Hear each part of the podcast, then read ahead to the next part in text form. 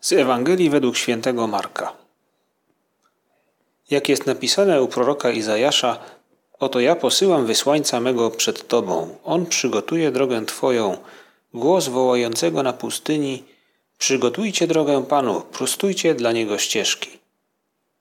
Wystąpił Jan Chrzciciel na pustyni i głosił chrzest nawrócenia na odpuszczenie grzechów. Ciągnęła do niego cała judzka kraina oraz wszyscy mieszkańcy Jerozolimy i przyjmowali od niego chrzest w rzece Jordan, wyznając swoje grzechy. Jan nosił odzienie z sierści wielbłądziej i pas skórzany około bioder, a żywił się szarańczą i miodem leśnym i tak głosił Idzie za mną mocniejszy ode mnie, a ja nie jestem godzien, aby schyliwszy się rozwiązać rzemyk u jego sandałów. Ja chrzciłem was wodą, on zaś chrzcić was będzie Duchem Świętym. Tak święty Marek opisuje nam chwilę przed mm, pojawieniem się publicznym Jezusa Chrystusa. Jan przychodzi, aby zapowiedzieć pojawienie się Mesjasza. Jan przygotowuje jego przyjście, głosząc chrzest nawrócenia. Po co go głosi? I dlatego święty Marek mówi nam nawiązuje do słów Izajasza, mówi: Przygotujcie ścieżki Panu, przygotujcie dla niego drogę. Mateusz i Marek, dwaj ewangeliści, mówią nam o tym, że cały lud, wszyscy ciągną do Jana Chrzciciela. Opisują w ten sposób pewną potrzebę zbawienia, którą odczuwali mieszkańcy Galilei, Palestyny, naród wybrany. Taką potrzebę zbawienia odczuwamy i my. I dlatego w drugą niedzielę Adwentu liturgia przypomina nam postać Jana Chrzciciela. On także dla nas dzisiaj zapowiada nadejście odkupienia, nadejście zbawienia.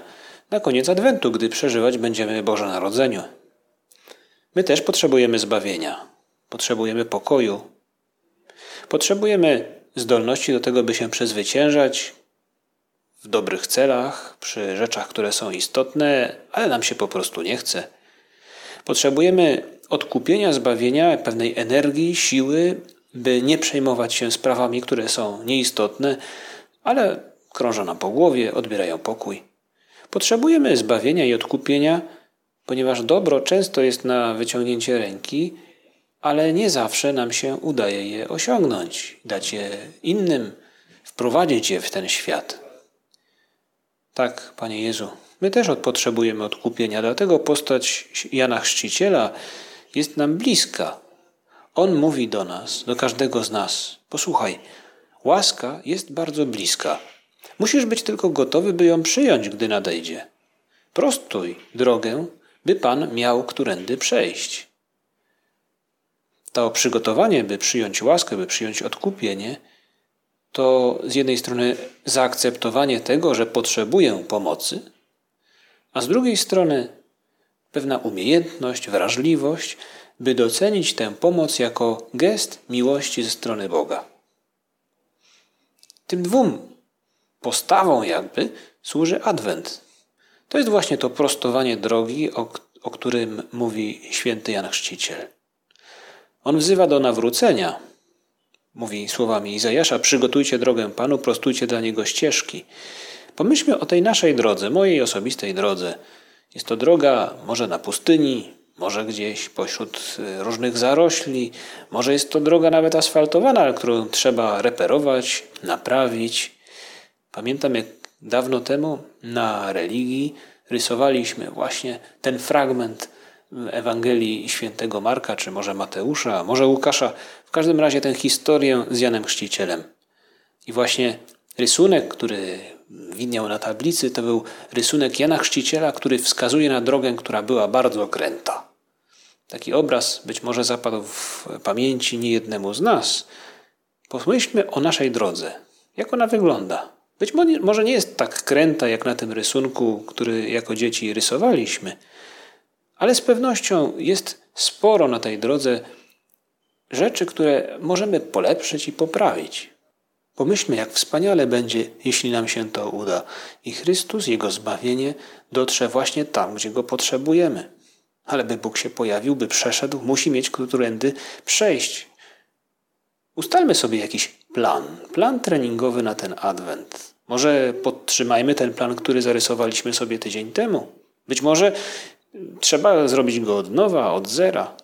Pomyślmy o słynnych sportowcach, którzy przygotowują się do olimpiady czy mistrzostw świata, rozpisują sobie różne treningi, wysiłki, dietę i później w sposób żelazny realizują ten plan dzień po dniu. Podobnie, gdy rozpoczyna się jakaś strategiczna budowa mostu czy jakiegoś wielkiego budynku, skrzyżowania bądź czegokolwiek natury właśnie strategicznej, rozpisuje się pewien plan i jeśli dzień po dniu ten plan udaje się realizować, nie ma opóźnień. A przecież my, Panie Jezu, właśnie tego pragniemy, by bez opóźnień dotarło do nas zbawienie. Ten plan treningowy, ten plan budowy, to z jednej strony modlitwa.